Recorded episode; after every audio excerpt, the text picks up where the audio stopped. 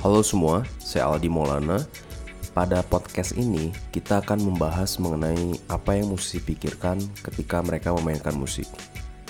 Para musisi dalam proses latihan ada yang terbiasa menghafal keseluruhan bagian dari musik, sehingga saat mereka melakukan pertunjukan musik, terdapat beberapa kendala yang sering terjadi. Apa saja kendalanya dan bagaimana mengatasinya akan kita bahas sebentar lagi. Stay tune di Abstraksi Musik by Musik Pod Podcast.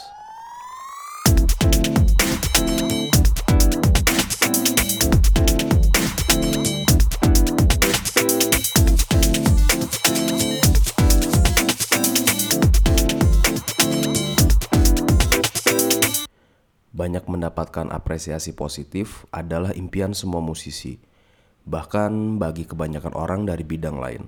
Karena usaha dan kerja keras yang ditempuh berarti tidak sia-sia. Dengan mendapatkan apresiasi positif, berarti kita sudah cukup berhasil mencapai salah satu tujuan bermain musik. Salah satu tujuan orang main musik adalah berbagi keindahan dan kesenangan. Jika orang senang, maka responnya pun positif. Berarti mendapatkan apresiasi positif menandakan permainan musik kita bisa sampai kepada orang lain yang menonton. Lalu, apakah mudah berbagi kesenangan lewat musik? Tidak selalu dan tidak semua dari kita berhasil sampai pada titik tersebut. Meskipun kita merasa musik yang dibawakan sudah dikuasai semaksimal mungkin, baik tekniknya ataupun ekspresinya. Kemungkinan itu disebabkan karena beberapa hal di luar kendali kita pada saat memainkan musik, khususnya yang berhubungan dengan pikiran-pikiran kita sendiri. Banyak musisi mengaku kesulitan fokus dengan musik yang mereka mainkan. Kasus yang banyak dialami musisi itu sering kali terjadi pada saat pentas musik, karena terdapat beberapa musisi yang menghafal karya yang akan dimainkan. Yang lebih sulit diantisipasi dari hal tersebut tentunya saat pentas musik di hadapan beberapa audiens. Sedangkan mengcover lagu atau apa pun yang sebelumnya direcord seharusnya lebih mudah. Misalnya record untuk rilis di YouTube, Instagram, Facebook, atau TikTok. Meskipun proses dan situasi pada saat proses record pun sebenarnya sedikit mirip dengan situasi live konser. Lantas, ketika pentas, sebenarnya apa yang membuat pikiran sulit fokus pada musik? Salah satunya adalah karena para musisi menghafal musik yang mereka bawakan. Karena saking hafalnya, main musik di luar kepala dan membuat jari jemari gerak secara otomatis, justru bisa membuat fokus kita saat rentan berkelana ke sana kemari. Dalam keadaan itu, kita dan semua yang main musik sudah tidak perlu lagi repot-repot memikirkan teknis dan ekspresi. Yang dimaksud berhubungan dengan teknis, misalnya posisi jari dan teknik bowing Selain itu, interpretasi musik dari hasil analisis skor kalau dilatih dan dihafal terus-menerus juga lama-kelamaan menjadi otomatis tanpa harus dipikirkan lagi. Entah yang berurusan dengan pilihan tempo dan rubato, pembentukan frase dan artikulasi, dinamika, dan lain sebagainya. Artinya, kesadaran reflektif kita terhadap musiknya sudah tidak aktif karena teknik dan ekspresi ketika main musik sudah jalan otomatis. Dalam kondisi tersebut, pikiran kita biasanya berkelana ke sana kemari memikirkan hal-hal di luar musik.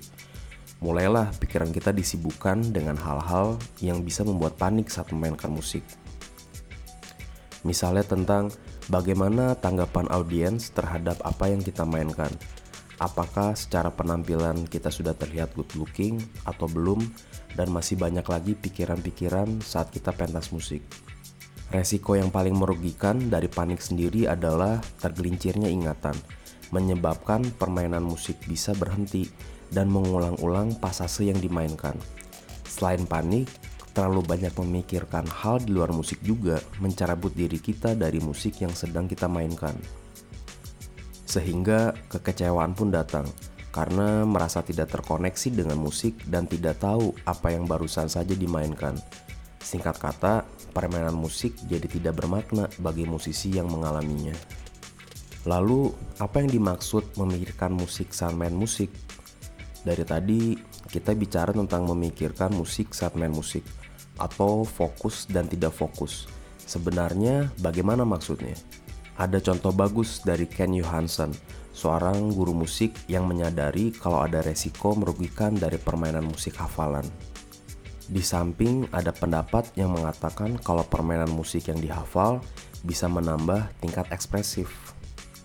Menurut Ken Johansson, memikirkan musik yang sedang dimainkan bisa diibaratkan seperti sedang membaca teks puisi yang pertama kali dibaca atau seperti pertama kali memainkan skor musik yang belum pernah digarap sebelumnya. Pada aktivitas tersebut, antara pikiran dengan aktivitas fisik memproduksi suara tidak terpisahkan satu sama lain. Jadi, supaya tidak terjerumus ke dalam permain musik yang pasif, maka kita dianjurkan untuk tetap memikirkan dan terus mengikuti musik yang sedang kita mainkan. Entah dengan menyanyikan melodinya dalam hati, mengingat-ingat letak nada dalam skor, posisinya pada fretboard, atau kombinasi dari hal tersebut. Lalu, bagaimana cara melatihnya?